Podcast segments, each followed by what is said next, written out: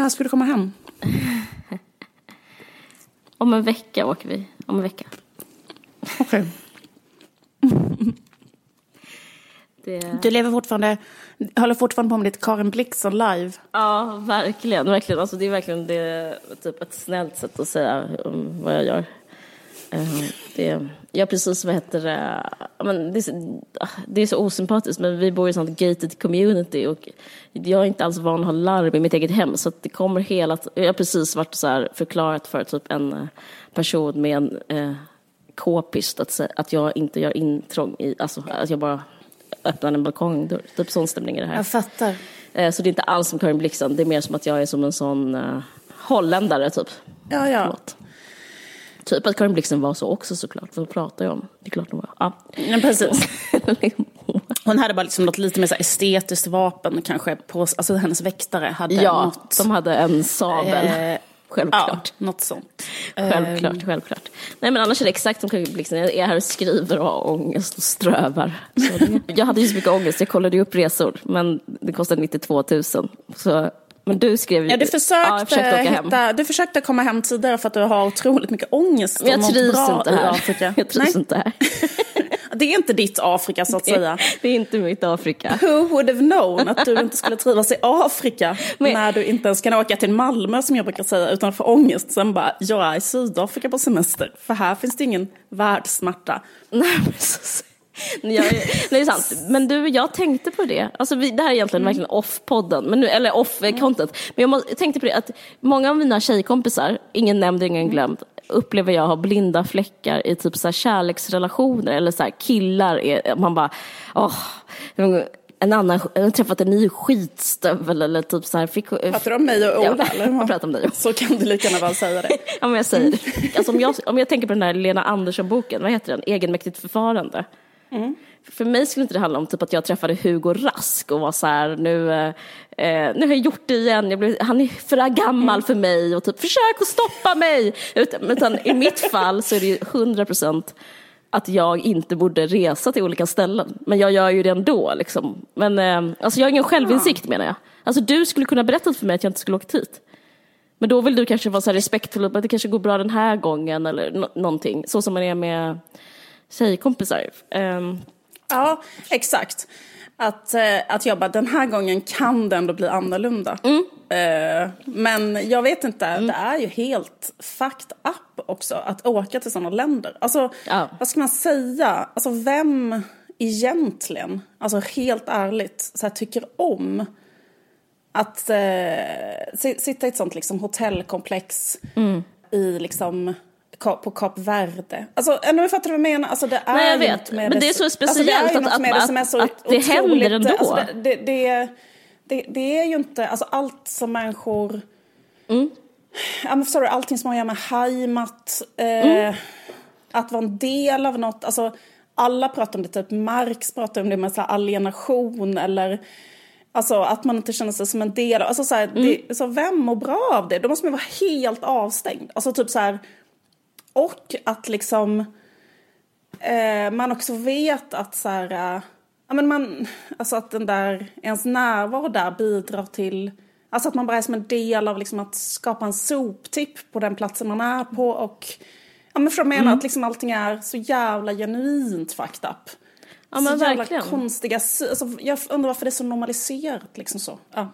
Men jag tror att du har svar på att det är, varför det är så normaliserat. Alltså det finns ju jättesnabba, enkla svar. Alltså det finns ju typ så här, det finns en marknad för det. Och... Jag kommer också att när jag själv har varit i eh, sådana länder så har jag liksom alltid haft som tröst så här, att man är där, när man är i ett sådant land så måste man liksom alltså, stödja en väpnad socialistisk gerilla, tycker jag. Alltså på något sätt, alltså ekonomiskt mm. eller, alltså så här, för mm. det är liksom enda sättet man kan känna liksom att finns det något konto jag kan köpa AK4 till ursprungsbefolkningen så kan jag vara här. För då vet jag att jag också gör det. Alltså, jag menar, men att bara vara där utan att göra det känns så jävla fel.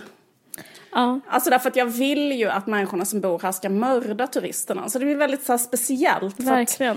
Att, um, jag tror också att det är viktigt att bara liksom erkänna att man själv är en man, alltså man är inte jämlik med, man är en av idioterna, man, en, man är yeah. en av de som åker i stort sett och så bajsar i, ja. Man bara är där och äcklar sig. Jag är här och mm. äcklar mig. Alltså det är liksom, ja. men, det, och, men det gör ju också att det blir en tråkig semester att ha den insikten hela tiden. Alltså jag vet inte, det är liksom, man kommer inte ur det. Uh, men det, det har väl något, alltså det är väldigt speciellt att... Ja men det är svårt liksom, också för att man är ju alltid, man är ju på ett sätt alltid en del då av det världssystemet också. Ja. Så det är också så här, det är väl också lite grann att lura sig själv och vara så här bara, men eh, jag vet inte fan, men det är väl, det är väl, det är väl bara... Jag brukar motivera alltså, saker genom att kunna säga så att jag ska skriva om dem. Att det är liksom min motivering till allting. Men jag vet, jag kan vända på det och liksom, när jag har varit i destruktiva relationer brukar jag alltid tänka så här, men vad bra att jag är i en destruktiv relation för nu kan jag skriva om det. Och, och eh, det är ett mått egentligen på att jag har ångest om jag börjar ta till det. För det är liksom ett sätt att så här, bara vaporize från, eh, från situationen, ånga upp och liksom se allting utifrån och liksom eh, må skit. Så att jag vet inte, det kanske, jag tycker, eh, det, det, tycker jag lite att det finns en, eh, en motivering i att kunna, att berätta. Alltså om jag berättar om det här, inte nu i podden utan jag menar kanske i något text liksom sen, då så har det något att jag var här. Förstår du? Absolut, men jag är ju 100% av åsikten att alltså, flyget och sådana resor, mm. det borde ha upphört. Det borde ha mm. upphört för tio år sedan. Nu kan det inte fortsätta. Alltså det går inte. Nej. Det går, alltså, nu, nu får det vara, det får vara så här, tack för den här tiden till alla de här resmålen. Alltså, ja. det är ju, det är ju helt omöjligt att fortsätta på det sättet. Alltså, det får ju bara vara så att det går inte. Alltså därför att vi är också, eller jag vet inte fan. Så, så, så, jag vet och jag läste en intressant grej i ja. tidningen ETC som var att för, för, för, för Dålig mening. ja precis, förlåt. jag borde, borde triggervarna. Så bara starta på det. Men jag gjorde ändå det. Mm. Uh, som var att, uh, ja men såklart så skriver de så här, men ändå, jag vill bara säga det, att mm. uh, Eh, innan så har man också kunnat motivera sitt liksom, resande genom att man hjälper landets ekonomi med turism. Men nu så har typ länder börjat så här, be turister att inte komma dit. Jag mm. tror att det är Färöarna, läste du det? Som, eh, ja, men det är ju ett jättestort problem på ja. jättemånga ställen. Alltså det har jag, ja, alltså, I Barcelona har ju invånarna demonstrationer ja. mot turister och det har de ju haft på Ibiza och sånt också. För, de, det hjälper det inte, de, alltså, det, det skälper. Äh, alltså det, det, är liksom inte, det är inte ett argument att man så bidrar med någonting. Nej, nej. Tvärtom så bara förstör man, man bara liksom trampar Plus på. att äh, även om man kan bidra liksom lite kortsiktigt så är det, alltså, det har ju folk så skrivit om på så jävla länge sedan. Alltså typ hur turism äh, förstör alltså miljön och kulturen och alltså ja Eh, människors liksom levnadsförhållanden alltså, och bara bidrar till så här, prostitution, barnprostitution, miljöförstöring, alltså allting. Alltså det, det enda som händer där är att ja, men, man är som en sån vandra, alltså för, för, för, liksom, allt man tar i som vit i ett sånt land förstör man. Alltså det är ju helt sinnessjukt. Alltså, man ja. kan ju inte ta ett steg utan att man liksom bara eh, fuckar upp liksom. Så är det.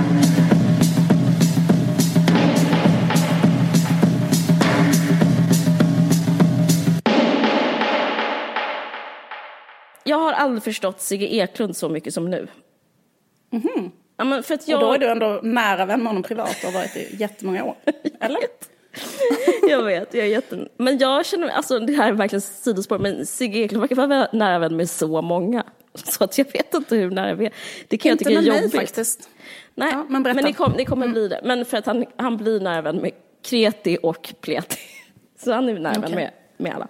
Men eh, jag har aldrig förstått Sigge Eklund så mycket som nu. Eh, för, mm. Alltså vad det gäller att ha en poddspaning. För grejen är mm. att eh, jag började lite förra gången prata om något helt sjukt. Men, men det handlar liksom om att känslan av jaget och sig själv, mm. alltså man befinner sig för långt bort. Alltså jag skulle vilja säga att Sigge reser för mycket och att han gör för många Kul. grejer. Och, och då börjar man prata istället om, istället för att prata om människor så börjar man prata om eh, generaliseringar om universum. Alltså det är ju där ofta hans spaningar landar. Typ, vad är typ det kollektiva mänskliga medvetandet för något och sånt? Eh, för att man är liksom, eh, ja, Eh, man är för långt bort. Alltså, och om man tänker att det som är centrum Knausgård till exempel, eh, det blir som motsatsen till Knausgård, för istället för att gå in i detalj, alltså när han berättar om en eh, man som sitter på eh, centralstationen och äter en hamburgare, då berättar han liksom någonting om detaljen berättar någonting om det större, typ, då berättar han något om Sverige, eller Europa, eller världen, eller Mm. USA, eller allt liksom. Men om man berättar typ om stjärnhimlen, då, då berättar man inte någonting om något. Men grejen är, jag förstår varför han gör det, för att, för att han är så decentraliserad. Och det känner jag mig också. Så nu, har, nu ska jag komma med min helt sjuka spaning här, som jag kommit på, för att jag är här borta. Jag tror att människan har blivit för bra. Mm. Om man jämför med hur det var på 90-talet, så var kanske en person som klättrade som, ja, som klättrade. Det har jag inte ens tänkt på. Ingen klättrade ju på 90-talet. Nu, klättrar, nu kan alla typ klättra Alltså, vertikalt. klättra. Men klättra på ett berg Alltså, eller på klättra en klättervägg. Nej, nej. Jag pratar, jag pratar om Ja, okej, ja. Nu kan Jag en... fattar ingenting. Du tappar mig direkt. Det var alldeles för kosmiskt för mig. Nu börjar. Okej, ja, klättra på en klättervägg. Alla kan inte det. Jag kan absolut Men, inte nej, okej, det. Jag svag i jag, armarna. men väldigt många Okej, kan, sport. väldigt många kan klättra vertikalt nu för tiden. Ja, det var inte det jag skulle säga. Det jag skulle säga var att förr i tiden så var en person i världen som typ umgicks med gorillor. Alltså en. Och det var hon Diane Sawyer. Diane Fossey. Diane Fossey. Ja, är fast, förlåt. Och hon umgicks med gorillor. Ja, då gjorde man film om det och så var det bra med det. Men nu så är det sån här stämning. Alla jag känner umgås med gorillor. Alla jag känner åker Vasaloppet. Alla jag känner springer maraton. Alla jag känner rider i Argentina. Alla jag känner eh, liksom, har blivit smala. Alla jag känner blivit gravida som 50-åringar.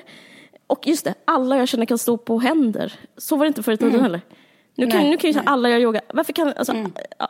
Förr i tiden var det som en person typ i Indien kunde stå på händer. En person kände en björn. En person var med en gorilla. En har varit i Argentina.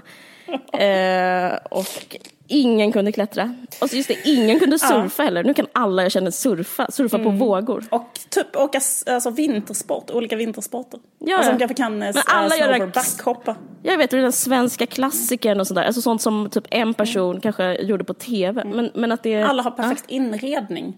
Ja, exakt! Varför har de det? Och det är också en sak som folk inte hade för kanske så här, och åker man till vilket annat land än Sverige, alltså Mm. är du hemma hos en människa i Italien eller i Spanien, Mm. eh, då har de så här, kanske lysrör och några plaststolar hemma, alltså i sitt Mm. vardagsrum. Alltså det är liksom inget med det. Och en gammal duk som de har, en plastduk som de har haft sen eh, deras mormor. Mm. Alltså något sånt. Det är ju ingen i Sverige som har det så. Precis. Hemma. Precis. Utan där har alla alltså, nio ljuskällor i varje rum och sånt.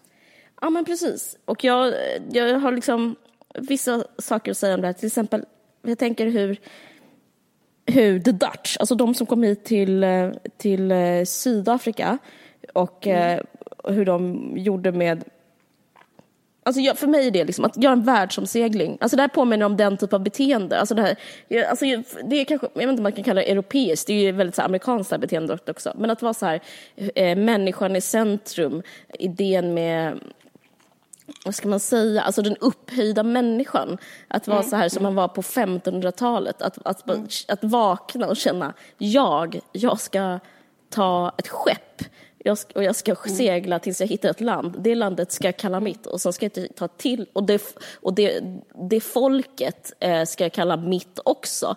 Alltså jag vet inte om, jag, om det här är en så kallad reach.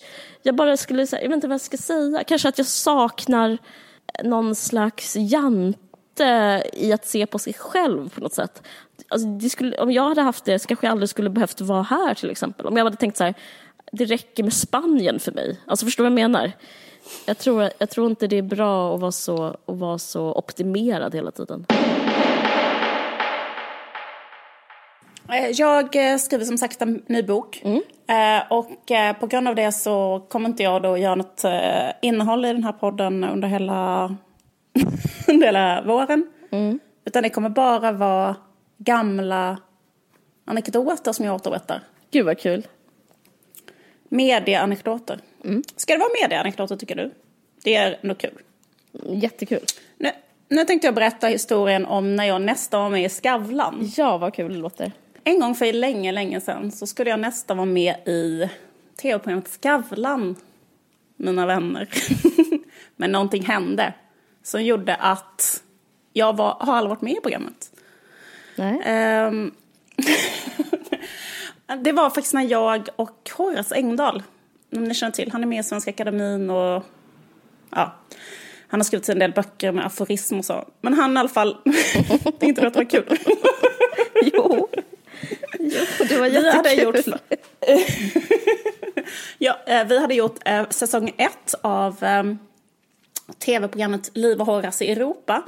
Och då frågade då eh, Skavlan-gänget eh, om vi ville komma dit och vara i eh, studion och eh, prata om eh, programmet. Och jag tror liksom att, eh, alltså inför premiären. Eh, och, och jag tror liksom att lite av eh, attraktionen hos Skavlan-gänget att vilja bjuda in just oss är för att liksom lite så konceptet med Liv och Horace i Europa var liksom vi tar två människor som inte riktigt passar ihop och sätter ihop dem och ser vad som händer. Eh, vi tar en eh, fe- känd feminist och så tar vi en eh, man som är känd för att inte vara feminist och så ser vi hur, hur blir det här. Det är som På spåret har snott rakt av nu. En feminist och en... Ja, En gammal, en gammal gubbe, en ung cool En gammal gubbe och en feminist. Tvåa på bollen, men ni, när ni, ni, ni vibrerade när ni började med det. Ja. Jag, jag, jag, skulle säga att... Jag skulle komma till att jag tycker att det är en ganska så dålig idé det där att ta så här väldigt udda kombinationer så blir det dynamik. Ehm, för jag tror liksom att mest intressanta samtal blir som till exempel i vår podd. ja men fattar du vad jag menar? Att, att, att man tar två människor där det finns en förtrolighet och man pratar, alltså, alltså eller för mig i Så alla fall är så är det så att, om man tar en, en person som liksom tycker väldigt olika om en, en, än en själv och har väldigt olika erfarenheter då tycker jag att det man söker är att man söker common ground för att man är liksom en människor är så flockvarelser och så då söker man istället det lilla common groundet man har liksom. Eh, ja, men typ i all så här gammal journalistik och sånt, liksom hela det här eh, idén att så här, eh, ja men typ så här, eh, det blir så jävla intressant om två helt olika människor sitter och pratar med varandra i ett rum. Man bara, det blir inte alls intressant. Alltså, eller jätteofta tycker jag att det blir skitointressant. Skavlan, programmet, lever ju för den här grejen. Att vi tar så här helt sinnessjuka kombinationer av människor. Men liksom resultatet av det är att de samtalen blir bara helt sinnessjuka i det. Det är cringe så Ehm. ofta. Alltså det är jättejobbigt när, det, ofta är det också så att folk inte respekterar varandra där. Jag tycker det känns väldigt Nej. smärtsamt att kolla på ofta. Och en annan sak som jag noterat är att de jätteofta har ett sexualbrottsoffer alltså i, i bland gästerna. Det är jätteofta så här Knausgård, Shakira och ett sexualbrottsoffer. Alltså en våldta- våldtagen kvinna. Alltså jag tittar inte på detta särskilt ofta. Men typ, det är väl kändisar? Vad menar du? Typ en rap? nej, nej. Och en, ja, det är så här. En kategori är kändisar. Mm. och en annan kategori är sexualbrottsoffer. Alltså typ så här kända sexualbrottsoffer. Typ så här, Nathalie Kampusch. Ja, gud, hon har varit där. Hon är stammis. Alltså hon är, hon är där. Alltså hon är ju deras liksom absoluta liksom första Go-to-gäst. val, gäst. Ja, visst, ja. Eh, hon har ju varit inlåst jättelänge då i en grotta, blev sexuellt utnyttjad av en gubbe. Hon var där, hon som, jag vet inte om du minns en sånt jätteobehagligt brottsfall som var så att det var en kvinna som blev drogad av en läkare i Skåne. Ja, ja, och de var på en dejt. Eh, läkaren gav henne typ Rohypnol i drinken. De var på en helt vanlig dejt. Han stoppade in henne i bilen och körde henne till en typ byggd eh, sexgrotta. Ja. Typ en bunker. En bunker, ja men precis. Eh, bunkerläkaren kallades Ja, han. precis. Ja. Hon var med i Skavlan. Hon var med i Skavlan. Hon satt i Skavlan med, du vet, prinsessan Märta Louise och en sån eh, fotbollstränare för norska landslaget typ. och skulle prata om liksom sina upplevelser med dem. Alltså titta på så här kanske Svennis gud. och sen börja berätta. Liksom Okej, så här. Fan vad intressant. Eh. Det, var så, det här är så solid. Ja, det är sant. Ja. Sist jag kollade, alltså jag tittar, nu måste jag säga så här, jag kollar aldrig på det programmet, men jag råkade se, för jag hade typ druckit några glas vin så jag flippade framför tvn. Landar i Skavlan och är typ så här lite utzonad så att jag inte riktigt kan byta kanal. Då var det de här gästerna, nu, detta är true story. Det är då en grävande journalist som har gjort ett gräv om liksom arbetsförhållandena på Uber. En kille, du kan tänka dig en killgrävande journalist. Och ett eh, sexualbrottsoffer från, från eh, en jättestor skandal som varit nu i Norge. Som heter så här Tysfjordsskandalen liknande som är liksom en hel by. Mm. Där jättemånga har blivit sexuellt utnyttjade, alltså jättefruktansvärt. Det är typ så att det har funnits så nätverk av pedofiler, alltså det är så familjer som som har liksom mått jättedåligt och de här barnen har blivit liksom, Aha, du vet, är det som är våldtagna av sina föräldrar. Ett, ett dokumentär på SVT nu, är det dem? Kanske. De sexualbrottsoffren, alla de kan, mm. kan vara, kommer vara garanterade en plats i Skavlan. Ja. Eh, Och mycket riktigt gräddfil in, därför att de måste ha en våldtagen person liksom i varje panel. Mm, mm. Då, tänk dig då, då ska hon sitta då, hon den här kvinnan som varit med i den här Tyfjordsskandalen. Mm. Alltså hon blivit så här våldtagen av sin pappa typ oh, varje dag liksom. Då ska hon sitta och berätta, berätta om det för så här, Uber, alltså journalisten, gamla journalisten om Uber och Victor Nilsson Lindelöf. Nej, gud vad hemskt. Landslagsfotbollsspelaren. Kan tänka dig att sitta och berätta liksom, om dina så här, eh, traumatiska sexövergrepp och, och åhörare är Nilsson Lindelöf och hans flickvän, influencern Maja Nilsson Lindelöf. Mm. Men i alla fall att det blir så jävla konstig stämning alltid i Skavlan. Alltså extremt konstig stämning. Verkligen. Att det är så jävla weird sätt att liksom ha, göra innehåll hela Ver programmet. Verkligen, verkligen. Men, men, äh, men vad kommer du, försöker du mm, berätta mm, att du har varit med om ett sexbrott nu? Jag skojar. Nej. ja, men det som, var, det som skulle hända då var att då, då, då var det så här, men den ska få vara med, den ska berätta om programmet Liv och Horace. Ja. Och då var det liksom två andra gäster, kommer inte jag ihåg riktigt vilka det var. Det var, det, men jag kan tänka mig att det var så här typ David Guetta kanske. Ja, klockers. Och kanske ett då, eh, ett våldtäktsoffer också. Mm. Men en dag innan du ska vara med, mm. då ringer producenten upp mig mm. och säger så här, vi har bytt ut en gäst. Eh, och vi har en annan gäst istället. Och det är Siv Jensen från Fremskrittspartiet. Alltså du vet... Eh, ja, ja. Men de är ju eh, alltid med också. Alltså det är också någon ja, sån, de har ju klippkort där. Alltså ett sexualbrottsoffer, en sån... Och en franskritt, ja men det är ju liksom... Ja. en från Fremskrittspartiet. Ja. Eh, och så säger de så här till mig, um, och vi tänkte att du skulle liksom debattera med henne, eller typ ha ett samtal med henne för att hon älskar Ayn Rand. Alltså hon är så här en... Hon är liksom en superprofilerad höger... Hon är ju nu finansminister i Norge. Mm. Och är liksom ett sånt politiskt djur som har tagit sig upp. Mm.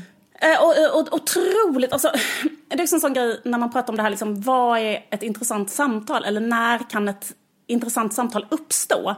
att liksom med politiker så kan liksom aldrig typ ett intressant samtal uppstå. Tycker inte, tänker inte jag. För liksom alltså all, allting politiker gör mm. är ju bara att saluföra liksom sin ideologi. Ah, saluföra mm. sin egen ideologi och säga intränade talepunkter. Och så är de så Absolut. otroligt duktiga på det. Alltså fruktansvärt duktiga på det. Alltså, um, man kan ju typ tycka att de är dåliga ibland när man ser dem på tv, men liksom no när jag någon gång har sett en sån här politisk debatt, alltså typ sett mm. live, har jag sett någon gång. Alltså när man bara ser så här människor som har varit med i ungdomspartier och sånt där, så att det är människor som är Alltså det är ju som att hela sitt liv har tränat på att saluföra ett visst budskap, eh, vara stenhård, aldrig, alltså det, det är liksom inte att föra ett samtal utan det är att vara så här om du säger det argumentet så möter jag dig med det argumentet, om du säger det så upprepar jag samma sak fast högre. Alltså så här, det är liksom bara något, de har ju jättelånga, de har ju utbildningar i det och sånt. Så mm. det är mm. liksom inte heller liksom så här ett samtal. Så, så då liksom, och hon är också så här, liksom en professionell politiker som Eh, och, och, och, jag bara känner så här, en dag innan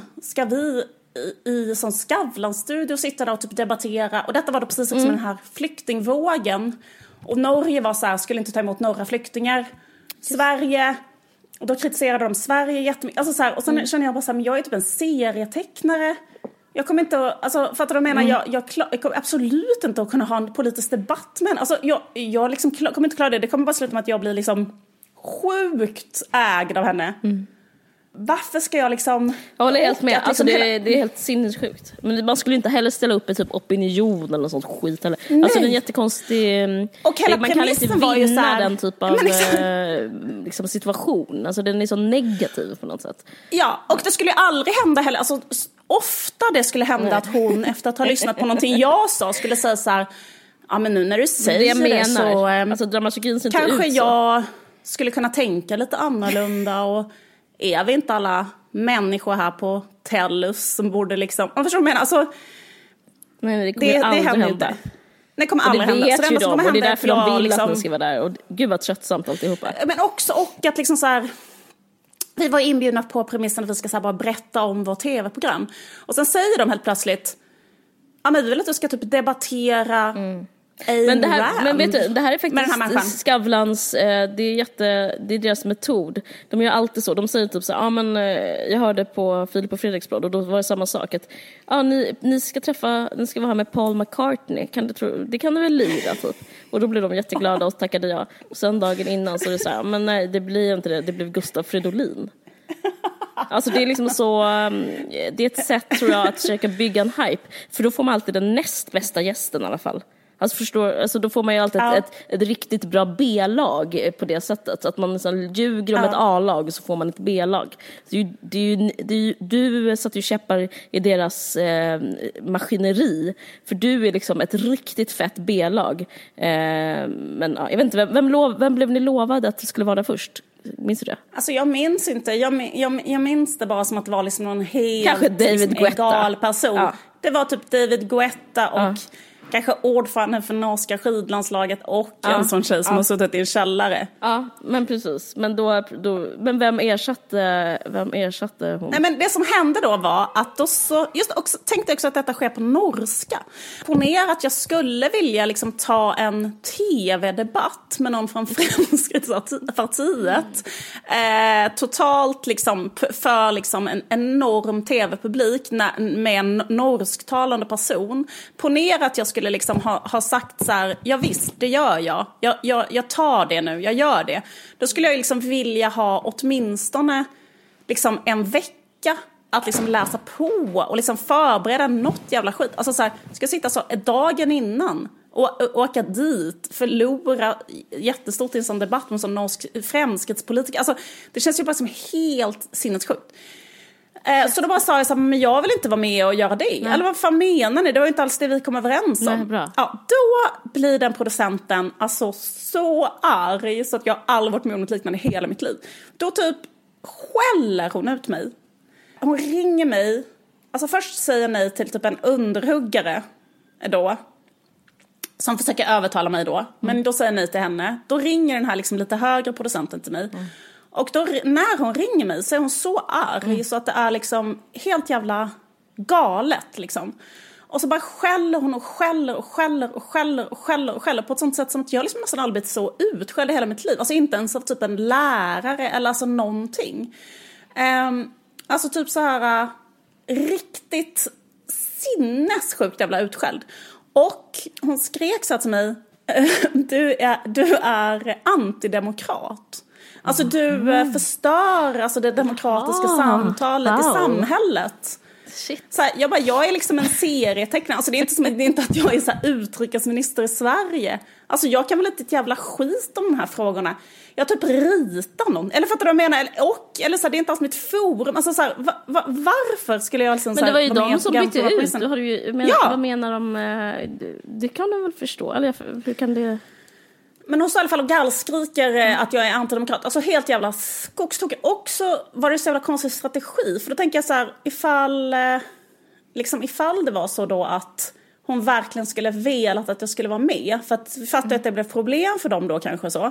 Mm. Men jag menar, då skulle man ju ha sagt typ så här vad kan vi göra för att det här ska kännas bekvämt för dig? Det här kommer inte bli farligt. Vi kan garantera eh, att vi inte alltså- pratar om politik utan vi pratar mest om Exakt, inredning. du kan själv få liksom ta, bestämma vilka ja. frågor, vi kan gå igenom det. Hur ska vi göra för att du ska känna dig trygg? Alltså, ha, ha, skulle vilja ge en tips i efterhand så skulle hon ju ringt och sagt något snällt. Det var så jävla konstigt för att hon ringde och var argare än någon människa har varit på mig någon gång. Och bara skrek som en jävla tok.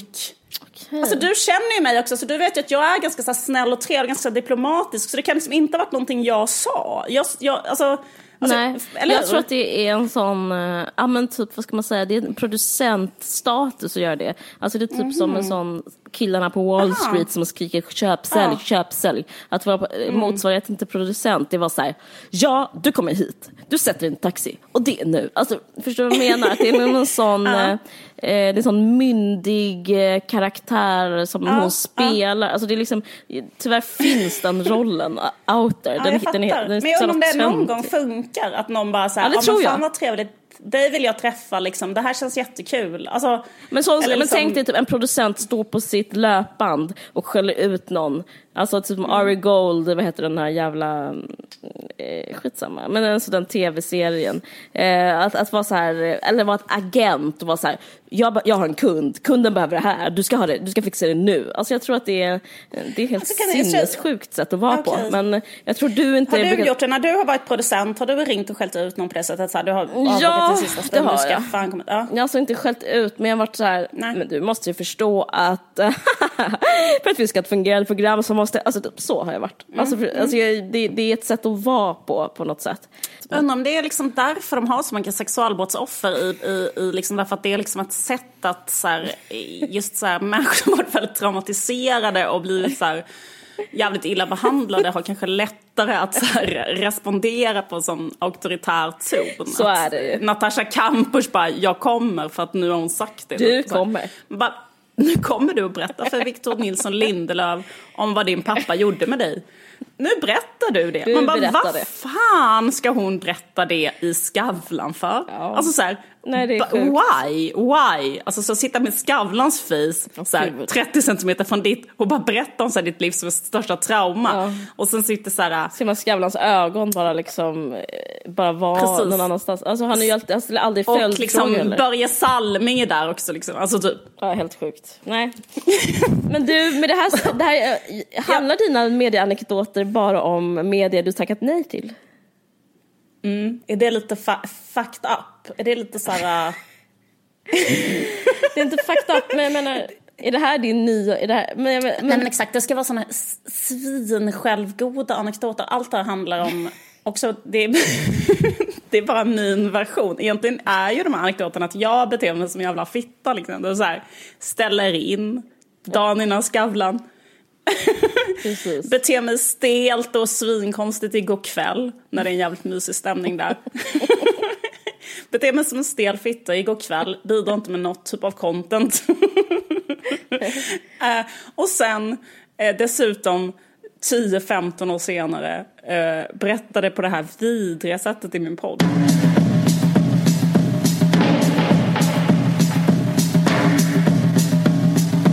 Vi hade ju mysigt när vi var med Malou. Det, alltså, det finns ju ändå... Ja, men jag har en sjuk sak som har hänt mig när jag varit med Malou också. Men, jag, inte, men det hände faktiskt inte när jag var med där då. Okej. Jag har varit med om en helt sinnessjuk sak när jag var med Malou. Jag ska bara berätta jätte, jättekort. Ja, du måste det är faktiskt det. en sak som kan hända. Det, är- det är en sak som kan hända när man är serietecknare. Det hände hela tiden i början när jag började vara med här, i, i tv när jag Mm. var serietecknare. Då säger alla så här, jag har lite skön idé. Och det är så här, kan inte du sitta i studion och teckna så här, under tiden? Och göra typ en rolig bild, typ en enruting om vad som har hänt i studion under dagen. Alltså, du kul. sitter så i morgon-tv och sen så visar vi upp din bild i slutet av liksom, programmet så kan vi se vad det har blivit Mm. för någonting.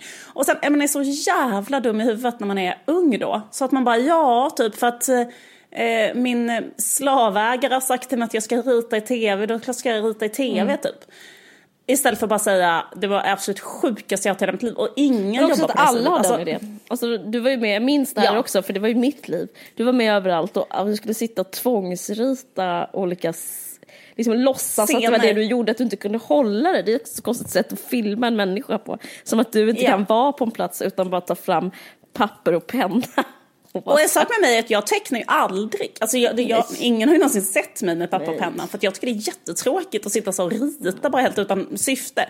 Och att när man, men det, det jag gjorde sen var att jag typ tog med en teckning som jag redan hade gjort. Och liksom låtsades att jag hade kommit på den. För att så går det inte till när man kommer på en enruta. Vi måste tänka. Och det, alltså, det, alltså det funkar på ett helt annat sätt. Så det är ju en helt sjuk bild av det, liksom processen. Så här. Sitter där. I alla fall, säger man då till mig så här, sitt i studion och teckna vad som händer i segmentet innan dig. Sen är det så här, vad händer i segmentet innan mig? Då så här, ja, vi har en gäst och den gästen eh, har varit med om en bilolycka och där bröt den gästen alltså 93 ben i kroppen.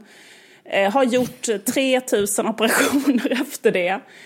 Eh, legat på sjukhus i fyra år.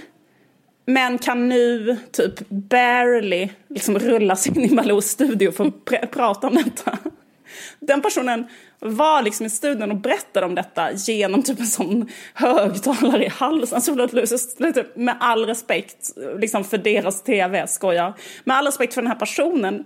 Liksom, sen är det så här, kan du? Okej, okay, jag sitter där med sån jävla frambrytande kallsvett. Alltså är så här 28 år gammal. Alltså bara, vad fan ska jag? Sen till slut bara, Liv, nu vill vi se vad du har gjort för rolig serieteckning. Herregud. I den här direktsända... Vad gjorde du då? Vad visade du då? Jag eh, var så här, vad vill de att jag ska göra då? För hon pratade bara om döden, att hon hade varit nära döden. liksom att det var så här helt fruktansvärt.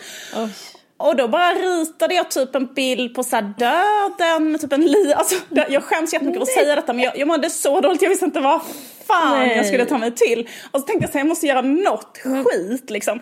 Så jag bara ritade det så här, på, på ett typ jättekonstigt sätt. Jag, jag skäms, jag skäms. Ja men typ en liman. Nej men vad fan skulle jag göra Caroline? Vad fan skulle jag göra? Det var väldigt kul alltså, höra. Det, det, det, det, var här, här är helt, det här är bättre än Skavlan, att du ritar en liman, någon som varit med en olycka brustit alla ben. Så tittar bara Malou på den. Alltså får hon säga så här, vi vill se vad du har ritat liv. Sen tittar hon på den och då bara tar hon den och liksom fäller ner den jättesnabbt så att den inte visas i bild. För att hon, ah, ser, Gud, hon ser ju där och då att så här, den, här, den här människan är ju sinnessjuk. så den här bilden kan vi inte visa upp. Liksom, för det här är det absolut sjukaste jag någonsin har sett. Ja men det tycker och jag då, hedrar Malou. Ja det hedrar Malou, men grejen är också att det, var, det, var, det är också så här, Men Malou hade säkert inte bett dig rita, utan det var en underhuggare Nej. som bad dig rita. Malou, det är ju speciellt med Malou efter tio, hon producerar det programmet själv. Hon är ju en queen, alltså, får man säga. Uh, för det är väldigt få uh, personer som uh, gör det i Sverige.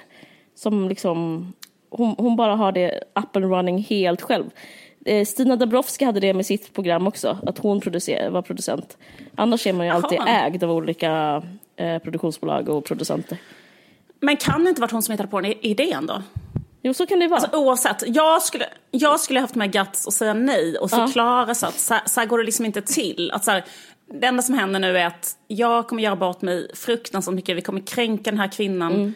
Man tror ju också sen när man är sådär precis i början av sin karriär att så här, det här är enda gången jag kommer få vara med i tv. Mm. Så, att så tror jag fortfarande. Jag... Tror, tror du inte så längre? Jag känner mig jätte, jag känner mig såhär, oh my god, typ såhär griter, jag typ gråter, skriker, skrattar typ om jag blir, blir tillfrågad. Jag tycker det är så stort. Ja, men jag, jag ska inte låta så här. Men jag vet nej, nej, men det är intressant jag, för ja. det, det tror jag liksom, jag tror att man ska mer ha den inställningen. Eh, att man, eh, att man, att det kommer hända igen. Men tv ja, men bygger ju är... jättemycket på att, det ska vara, att man ska känna så. Alltså jag tror att annars hade liksom, kanske inte gjort det liksom. Men tv nu för tiden har ju så himla liten tittning. Alltså det är mycket, mycket...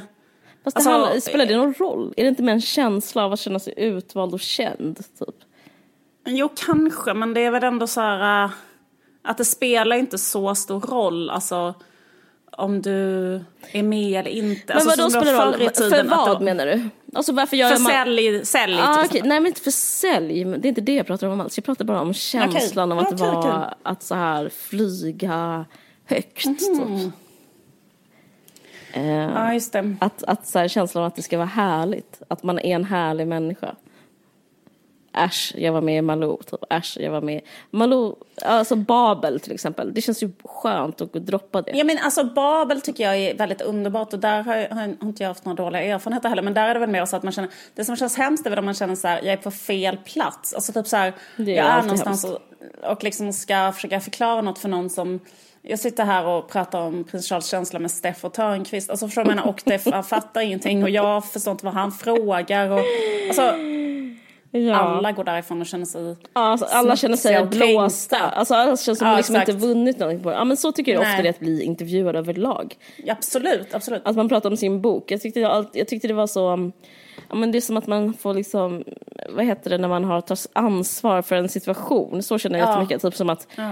Eh, man är på en middag och ingen pratar med varandra och maten mm. är äcklig. Så, så tycker jag är nio gånger av tio när man intervjuas. För att liksom, de vill inte läsa den boken, de har inget att fråga, de är inte intresserade, jag vill inte prata om den, jag vill inte prata med dem, jag vet inte heller vad jag ska säga om min bok. Så bara sitter man där och liksom, och det är så jävla trögt och ja. snacka om att det måste kännas så för ehm, eh, de här sexualbrottsoffren som är med i Skavlan.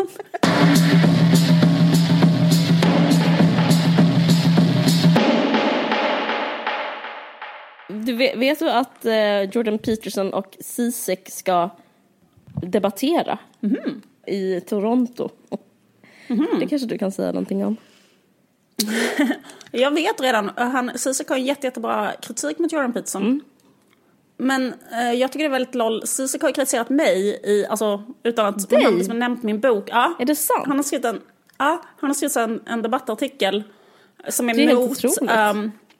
Men alltså grejen att han har inte läst min bok men han nämner den i en lång uppradning av exempel på demystifications of the vagina som han tycker är en väldigt negativ trend i samhället. Okej. Mm. Så att han liksom, han, han tycker att hans eh, kåthet när han eh, ligger framför trembling in front of the eh, vulva of the beloved woman, alltså när han har sitt face mellan en kvinnas ben Ja. och tittar på hennes könsorgan, då, då vill inte han... Nu vill inte han tänka på din Nej, bok. exakt. Då, nej, precis. Då vill inte han tänka Vem vill på det? Det vill man ju att inte. liksom, det också finns förlossningsskador. Alltså typ så, något sånt väldigt Ja. materiellt och tråkigt Något prosaiskt liksom. Han- Exakt. Han vill ha ett Utan poesi. han vill ha kvar den mystiska poesin Ja. för annars är han rädd att inte bli kåt. Och att liksom kåtheten ska försvinna ifall the male gaze utrotas om man pratar för mycket om liksom vulvans Ja, typ ja, andra ja. aspekter. Nej, men okej. Faktum är att jag värnar om hans kåthet, alltså på riktigt. Det låter som att jag är ironisk nu, men jag är fan inte det. Det- Jag är ledsen ifall jag har förstört någonting för honom. Men Men, men jag, vet att, jag vet att du inte är ironisk. Det här är, det här är ditt Sydafrika. Att du inte är ironisk är som att jag åkte till Sydafrika. Att det är liksom, det här, det här är din blinda fläck. Alltså, att, att du tror att det är hålla- bra att du värnar om sexualitet. Jag vill hålla liksom mina händer runt Zizeks kåthet som om det var lite den sista droppen vatten i Jag den här att världen. Jag blir det. superledsen om han inte kan så här, det- sätta på sin unga fru. Jag tycker Men det är han kommer, tragiskt. men han, han kommer, Va? han kommer, det, det är okej. Jag, jag, Ja, jag lovar han kommer att det kommer göra gå bra. det. Jag lovar. Mm, jag vet. Och samtidigt, det, det som jag har som invändning mot hans artikel är Mm. att jag är såhär, nej, det kommer inte att bli så att folk slutar vara kåta. Alltså på grund av till exempel min bok. De blir säkert alltså, kåta av din bok. Kan, Ja, men det är det jag menar. Det är det jag menar. Alltså, Så tycker jag typ det är så- själv, att så fort någon börjar, Ja. alltså det är, det är ett sätt att ragga på, typ om någon så pratar Ja. om att mm, det- bröst finns eller sånt, det är ju typ, det är ett förspel att bara säga sport-bh. Han har och inte alls ett case. Alltså, Nej. för grejen att han säger också så här, ett an, annat exempel han tar upp det är så här Mm. bare breast-aktiviteten. Att han tyckte att den var dum också för att den då liksom demystifierar brösten. Alltså du minns kanske, det fanns ju typ en sån aktivist i Sverige, jag vet inte om du minns henne? Gud Hon var ja. som bröstaktivist, hon hade liksom så här Men det, fin- det, var ju, bröst. det är jätteintressant, Alltså otroliga en grej bröst. på Insta också, att vara att Ja. så här free Vad hette de? Jag kommer, fan inte, jag, jag kommer inte ihåg vad de hette, just de som skrev så här politiska budskap på sina bröst. Vad hette de? Jag kommer inte ihåg. Men oh, det fanns i alla fall en sån aktivist som var liksom väldigt så framträdande. Och hon hade så här kanske en, hon hade liksom hinduistisk stil. Alltså hon var blond, men hon hade såna, du vet, pärlband runt håret, kanske en sån prick i pannan. Och sen jättelångt, Bild om jag får be. Exakt. Och sånt jättelångt hår, så där kanske så här blont jättevackert hår och otroliga bröst. Ja. Och så skrev hon så här, kanske ett budskap på sina bröst, typ så här, free speech for Egyptian women eller något sånt. Jag, jag minns. Och då, och då tycker jag att det var liksom, att det skulle bidra till att män blir mindre kåta av bröst. Om det är det Zizek menar så kan jag säga att han bara rakt av har fel. Alltså, Ja, men allt rakt är ju bara en Men- del. Absolut. alltså, ja. Nej men det tycker jag, jag tycker det är så roligt för det är liksom också sån eh, Det var på den här eh, feministiska podden The Double X eh, Slate, Double X Podcast eh, som har döpts om till The Waves nu. I alla fall, där pratar de om den här, eh, för några år sedan var det väldigt stort med, på Instagram att så här, att för, du vet, det finns ju sånt, man får inte visa bröstvårtan. Just det. Och så är det så här, eh, de skämtar väldigt roligt om det, att det är så här, men att, att, det, är den, alltså att det var peak feminismens död, att ta den kampen. Alltså, det, är- det är den mest tandlösa kamp att sälla sig till, för det är så här, finns, liksom, det finns två läger som kämpar sig blodiga liksom, för att det här ska ske. Och det är så här jättesnygga så här, tonårstjejer som har så här indie-stil, typ så American Apparel-stil. Eh, ja. men jag menar inte, inget shade på henne, men typ Arvida Byström i Sverige till exempel. Hon är en, en fotomodell som kanske har en finne, typ, den, den, Exakt, den ja. typ av tjej. Eller en fotomodell som inte rakat benen. Eh, Och har så här två så här toppiga bröst, två geléhallon på de bröst, alltså du vet, helt, helt fantastiska bröst. Eh, och sen så fanns det typ en annan, ett annat läger som skära sig jättemycket den frågan, som är då eh, män, som, typ Ja. äldre män som eh, gillar porr.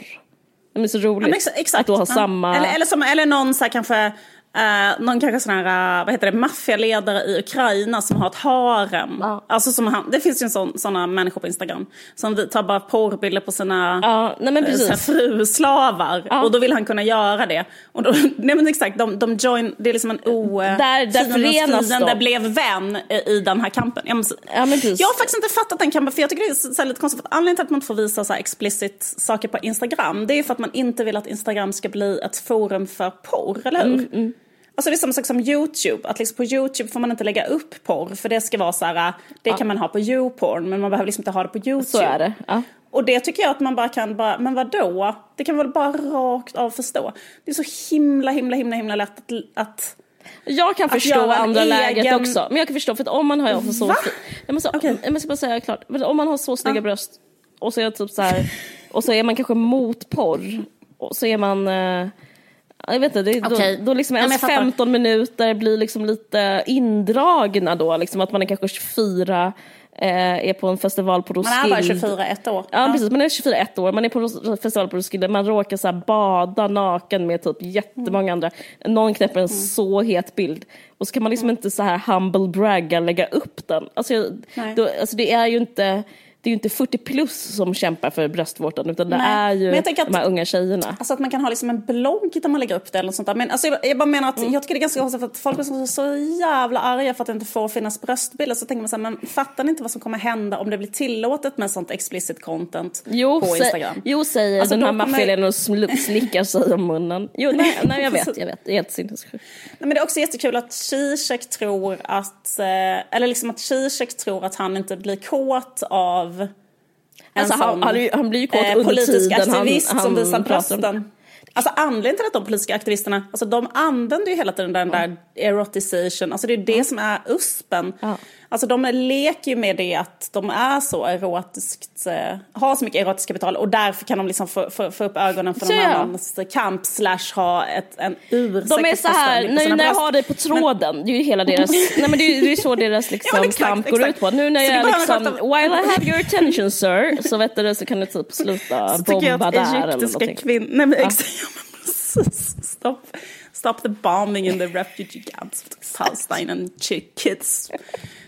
Eh, namaste, motherfucker. Exakt. Vi fortsätter vårt underbara eh, samarbete med Folkteatern i Göteborg som vi är så himla glada och stolta över. Eh, för det, det de visar är inget mindre än en dramatisering av Jane Eyre med originaltext av Tone Schunnesson. Tone fucking Schunnesson som ni kan se mer av i Babel där hon är återkommande gäst varje vecka. Och då vill vi ge er lyssnare ett jättebra deal som är att istället för 280 kronor för eh, biljetten så betalar ni bara 200 kronor. Och rabatten för det här gäller hela spelperioden och det är mellan 6 mars och 26 april. Så det är liksom, ni kommer hinna se den. Gå in på www.folkteatern.se och eh, det finns en kod också. Eh, det är att man skriver in varg. Jag har redan postat på vår eh, Facebook-sida, En varg söker sin podd har en egen Facebook-sida. Där finns en länk som ni kan följa. Och så bara skriver ni in varg och så köper ni 200 spänn istället för 280 mellan 6 mars och 27 april. Tack, så jättemycket till Folkteatern eh, för det här fina samarbetet. Så himla kul, helt underbart. För kul för alla som bor i eh, Göteborgsregionen att få gå se den här underbara teatern. Så kul. Så kul. Det känns verkligen som att det har eh, blivit en del av eh, vardagen att ha en tjänst eh, som Nextory i sitt liv där man kan läsa e-böcker och lyssna på ljudböcker. Eh, man kan göra det när man gör allting annat och eh, diskar, städar och så vidare. Och det blir av att läsa.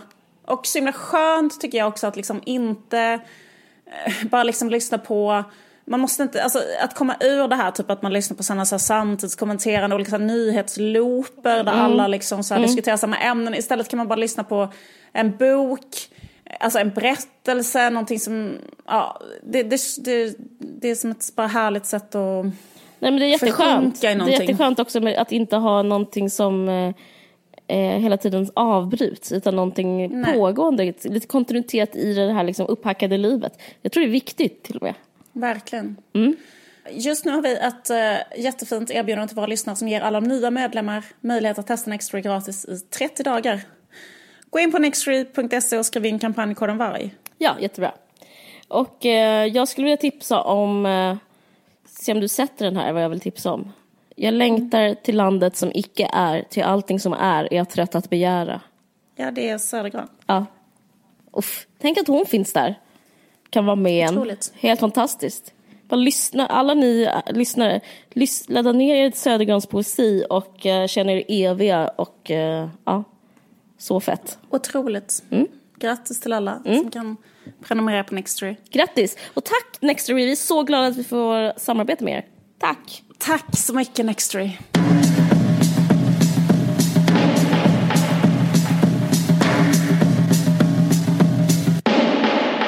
men eh, tack för att ni lyssnat. Tack och förlåt. Tack för att ni lyssnat. Innan, innan vi hörs. Vi hörs. Ha det bra. Ha, ha det bra. Hej.